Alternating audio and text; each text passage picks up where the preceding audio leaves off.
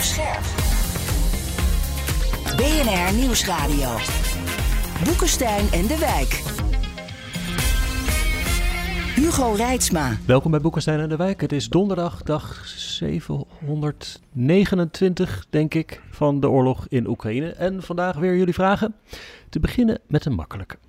Denk ik. Nou, ik weet het eigenlijk niet. Frans Dingemans, die um, vraagt... Wat weerhoudt Oekraïne of de EU of het VK om met de 50 miljard euro die is toegezegd... wapens en munitie te kopen in de VS... zolang het congres geen beslissing neemt? Dat zou een hoop sores voorkomen.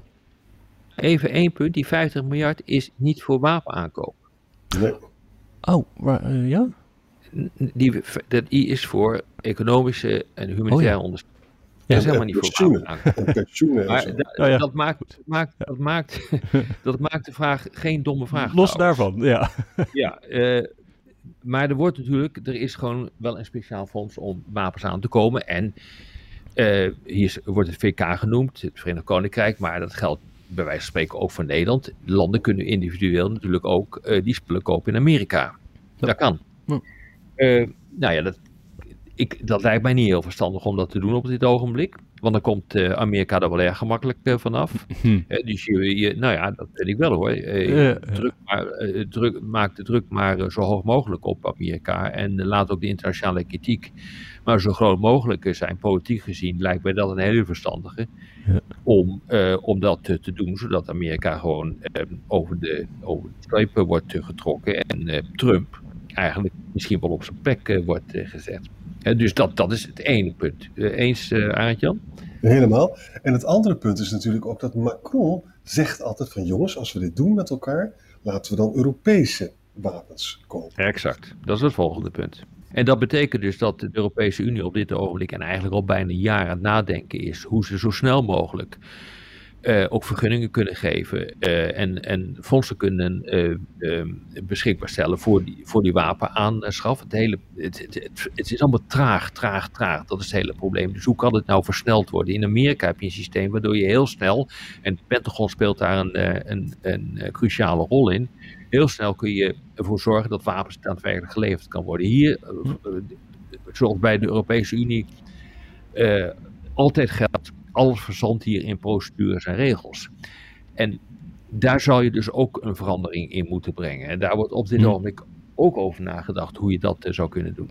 En het probleem is denk ik ook dat de, de VS heeft ook geen onuitputtelijke voorraad. Hè? Dus als, we, als Europa nu zegt, wij kopen graag van jullie even voor 50 miljard aan artilleriemunitie, die hebben dat ook niet. Die hebben dat gewoon niet. Nee, dus het is een kwestie van de defensie-industriële basis die uh, moet worden opgehouden. Dat, ook in Amerika kan dat makkelijker dan in Europa. Want nou ja, daar hebben we het al vaker over gehad, daar hoeven we nu niet weer over te hebben. Dat gaat hmm. gewoon allemaal ontzettend traag in Europa. De besluitvorming. Dus de, ja. dus de Europese en de Amerikaanse munitie-industrie nu hè, hebben dus minder capaciteit dan de Russen. En de Russen kopen ook nog eens in Noord-Korea en, en Iran. Ja. In Iran. Ja. Gaan we door naar Ray van René van de Koevering die vraagt: Zou er in de toekomst een mogelijkheid bestaan dat Rusland en China de handen ineens slaan en een gezamenlijk militair of economisch front gaan vormen tegen het Westen? Op dit moment lijkt dat nog niet zo te zijn, maar als de belangen genoeg overeenkomen, lijkt het me een mogelijk scenario. En dan is ook nog de vraag: wat is dan het Westen? Is dat Amerika en Europa of alleen Amerika en alleen Europa? Ja. Nou, dat is een hele goede vraag natuurlijk. En je kunt allemaal scenario's maken. Stel je voor dat er een economische blokkade komt hè, eh, in die Taiwanzee door China. En de Amerikanen reageren met een blokkade in de straat van Malakka. Nou ja, dan is het natuurlijk wel zo dat China en Rusland staan natuurlijk al dichter bij elkaar. Uh, en als er dan ook nog eens een keer uh, militaire schermutselingen komen, dan kan het zomaar zijn dat China zich gedwongen voelt om dan helemaal het Westen los te laten. Je moet er niet aan denken hoor. Maar het is niet uitgesloten dat we daar komen. China wil dat overigens niet. Die is daar eigenlijk veel te verstandig voor om dit soort dingen hmm. te doen. Want die willen eigenlijk economische diplomatie bedrijven. Hè? die militaire samenwerking die wordt eh, vormgegeven via de Shanghai Cooperation eh, Organization. Ja. Uh, dat is een, ja, dat is een, een club voor, voor samenwerking op veiligheidsgebied dat is niet echt een, uh, een, samenwerking om ervoor te zorgen dat krijgsmachten zoals binnen de NAVO uh, zo met elkaar gaan samenwerken dat ze ook gezamenlijk kunnen optreden. Dat is het absoluut niet, uh, daar is het niet voor bedoeld. Uh, maar het, er zijn wel stemmen die opgaan om het in die richting voor elkaar te krijgen. Dat, dat, is één punt. Bovendien realiseer je ook dat de Russen en uh, die Chinezen die oefenen ook gezamenlijk. Dus het, het, het, gebeurt al. Economisch is het veel interessanter wat hier gebeurt. een van de zaken die nu aan de orde is, dat de, de Russen hebben besloten om de yuan, de Chinese munt, te gebruiken hm. in hun onderlinge transacties. Dus niet de dollar. De dollar speelt een cruciale rol in de wereldeconomie. En ja. een zeer groot, groot, deel van de internationale eh, transacties wordt in dollars afgerekend. Volgens mij is het nog steeds iets van 60, 70 procent. Als je daar uh, een, um, een halt aan kunt toeroepen, dan gaat de wereld er heel anders uitzien. Wat ze dan aan het doen zijn, daar wordt nu over nagedacht om bijvoorbeeld die dollartransacties niet meer te gebruiken binnen de BRICS. En dus dat grote samenwerkingsverband tussen uh, Brazilië, Rusland, India, China en dan ben ik er nog Zuid-Afrika. Om, om dat te de-dollariseren, zoals dat uh, heet. Als ze daarin slagen, dan vormen ze echt een enorm economische front. Met, met enorme consequenties uh, voor de westerse wereld. Dan wel voor Amerika, omdat daarmee een heel, hele hap wordt uh, weggenomen uit die dollartransacties van de internationale economie. En dat geeft een enorme macht, omdat transacties in dollars ook gehouden zijn aan Amerikaanse wetgeving, met bijvoorbeeld exact. Amerikaanse sancties van invloed. Realiseer, ja. Exact. Realiseer je dat Amerikaanse sancties werken, omdat veel van die uh, transacties in dollars uh, gaan. Dus dan, dan, dan betekent dat transacties eigenlijk via een Amerikaanse bank gaan. En dat heeft enorme consequenties voor de machtspositie van Amerika. Dus die dollar is naast de militaire macht verantwoordelijk voor de economische macht eh, die Amerika kan uitoefenen. En ook de economische druk die die kan uitoefenen op andere landen. Dat is precies de reden waarom de Russen en de Chinezen nu zeggen van hou op met die, uh, met die dollartransacties. We doen het nu zelf wel. En als je daar dus ook BRICS bij kan, uh, alle BRICS-landen bij kan uh, betrekken, dan heb je echt een probleem hoor. Ja. Dit gaat dus over de macht van een sleutelvaluta. Hè? Moet je je voorstellen, ja. als de hele wereld dollars koopt, omdat de meeste handel via dollars gaat, dan is er dus grote vraag naar dollars. En dat betekent dat die koers dus hoog blijft. Hè. Dat betekent dat de Amerikanen kunnen dus meer geld bijprinten dan een gewoon land. Ja, omdat er ja. nog veel vraag naar dollars. Dat betekent dus dat ze die inflatie kunnen afwentelen als het ware. Ja. En dat geeft het, dat noemde dus Giscard d'Estaing l'exorbitant privilege. Hè? Ja. Van, van, en daar waren de Fransen in de jaren 50 al boos over. en daar zijn iedereen boos over. Waar, waren, omdat namelijk, weet je, de hele situatie met Iran, dat, dat wilden de Duitsers graag investeren, dat mocht niet. En als je dat deed, dan werd je buitengesloten van de grote Amerikaanse markt. Hè? Nou, dat zet dus veel kwaad bloed. En sommige mensen zeggen dus dat dat wel eens heel, in de toekomst wel eens heel snel zou kunnen gaan, die de-dollarisatie. Ja, ja nou, je, je realiseert dus dat, dat. Daar heeft de Amerikaanse centrale bank ook uh, voor gewaarschuwd. Als je te veel sancties oplegt aan alle, uh, allerlei landen. Uh, dan is het effect dat die landen zich gaan afkeren van de dollar. Ja, ja exact. Hey, maar nog even, China kan toch niet de handen ineenslaan met Rusland en daarmee dan vooral de Europese markt riskeren? Zij kunnen toch niet zonder uh, de Europese afzetmarkt? Andersom trouwens ja. ook niet, maar dat zouden ze toch nooit doen? Nee, nou ja, wat ze nooit zouden doen, dat weet ik niet. Maar uh, we hadden ook nooit gedacht dat uh, Rusland uh, zo stom zou zijn en ja. alle banden met de Europese Unie zou doorsnijden, terwijl het de grootste handelspartner was. Dus ik bedoel, landen zijn gek genoeg, leiders zijn gek genoeg om ongelooflijk stomme besluiten te nemen. Mm. maar het is inderdaad zo dat de situatie voor China ten opzichte van Europa een gans andere is dan ten opzichte van de Verenigde Staten. Mm. met China heeft toch het gevoel dat er met Europa veel beter zaken kan worden gedaan dan met de Amerikanen. En dat heeft te maken met het feit dat, dat er een strijd is over wie is nummer één in de wereld. Niet met de Europese Unie, maar met de Verenigde Staten. Ja, ja. ja dat betekent dus dat de verwevenheid hè, van de internationale wereldhandel, met name tussen Europa en Amerika, dat zou China en trouwens ook Europa moeten matigen.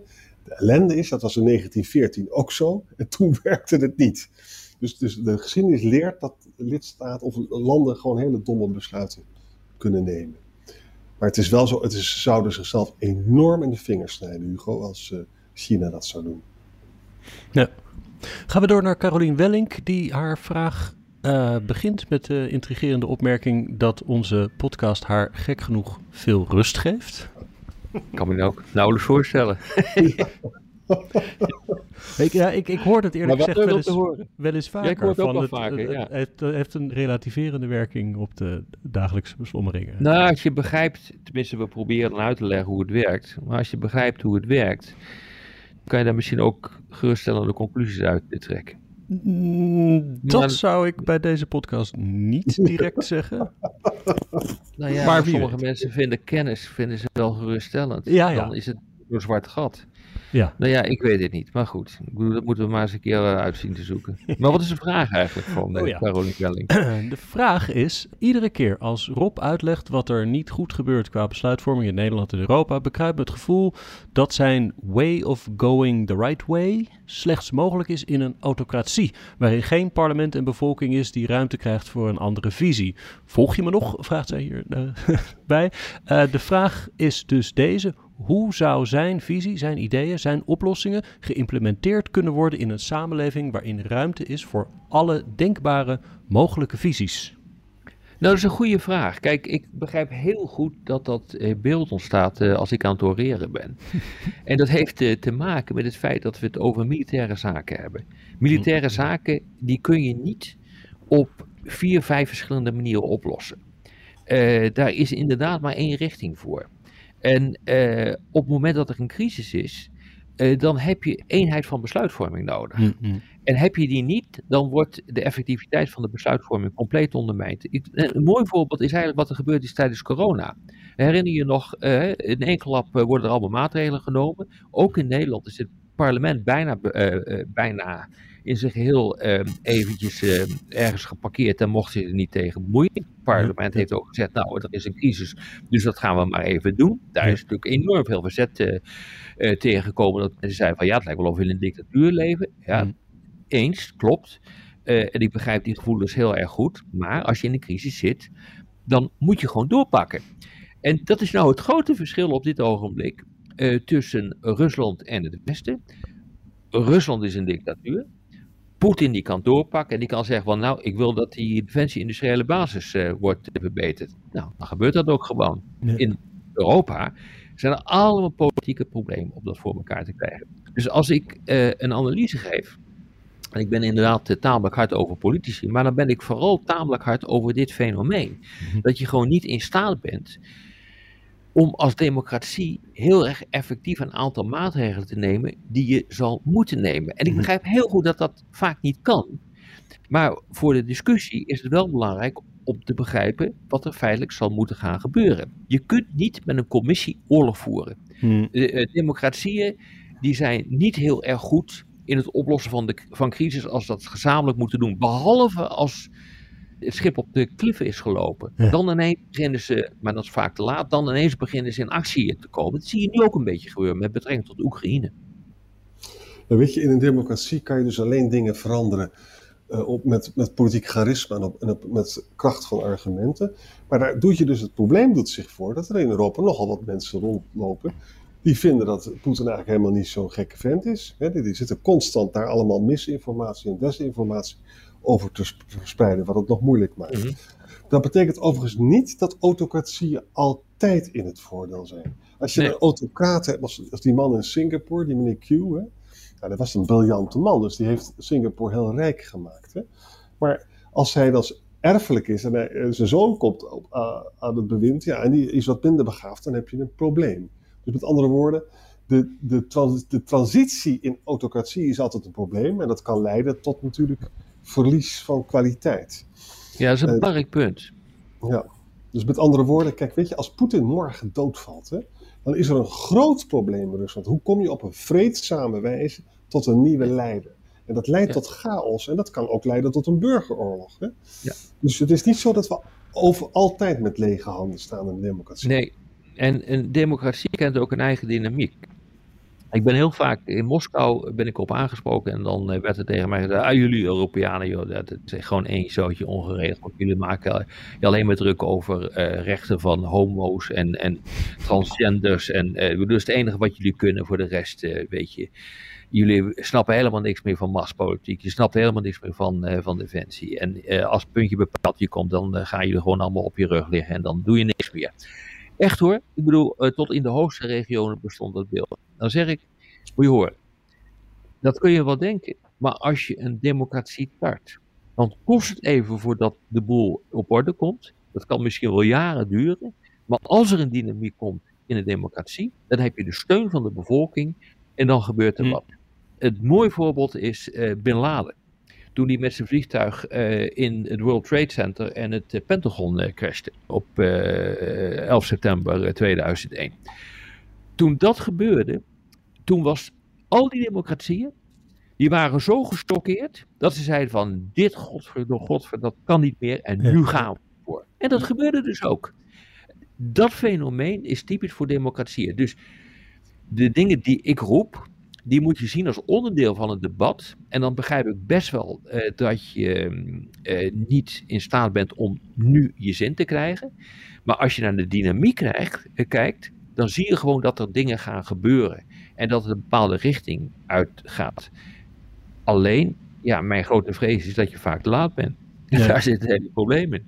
Is dan eigenlijk ook niet het probleem, ja, het komt wel uit de democratie, maar dat het meer de, de bureaucratie is, waarin, ik zit ook te denken aan andere crises, we hebben, we hebben bijvoorbeeld ook een woningcrisis in Nederland, en Ja. o- lijkt onmogelijk om daar wat aan te doen, maar dat is omdat iedereen rechten heeft en procedures en je kan inspraak hebben, ja, en dan, als je dan een miljoen huizen wil bouwen, dan duurt dat meer dan tien jaar. Nou, kennelijk zijn de protesten niet zo groot dat je op dit ogenblik Ja. eh, die procedures hoeft te doorbreken. Maar la- eh, st- stel je voor dat in één klap een half miljoen Nederlanders op straat komt te staan. Op Ja, een of andere ja. eh, reden, omdat er niks wordt gebouwd. Ik bedoel, een erg hypothetisch voordeel. Moet je eens kijken wat er dan gaat gebeuren. Dan worden alle procedures op, eh, aan de kant gegooid en dan komen er wel een eh 100, 200, Ja. 500 huizen. Dus je moet een democratie moet gedwongen worden. Eh, eh, die moet, een democratie moet met de rug tegen de muur staan en dan gaan ze wat doen. En dan gebeurt er ook echt wat en dan is er ook maatschappelijk draagvlak voor. Het, COVID-beleid van de Europese lidstaten was toch echt beter dan dat, het Chinese zero-COVID-beleid. hè? Absoluut. Ja. Ja. Dus je ziet, eh, Amerika was een beetje tussenin. Afrika ben je afhankelijk van de leider die er zit. hè? En van het geld Nou ja. natuurlijk. Goed punt, Arend Jan. Eh, denk even hoe die, eh, die vaccins tot stand zijn gekomen. Dat is precies hetzelfde probleem. Hè, dus normaal gestuurd duurt dat jaren voordat dat. Nu was het gewoon binnen mum eh, verkeken. Alle procedures werden van tafel geveegd, werden allemaal versneld. Dat heeft dus gewoon gewerkt. Ja. Dat kun Het je. Ja, kapitalisme hielp ook hè, bij die vaccins. Ja, Die En Rusland kon dat niet. En eh, eh, China kon dat ook niet. Nou, ik denk dat dit een Nou. geruststellend antwoord is voor Caroline, dat Rob Toch? geen dictatuur Ja. bepleit. Alleen, eh, Dit geheel niet. alleen de democratieën hebben zo hun eigen makkes. Ja. Dank jullie wel. Tot morgen. Morgen.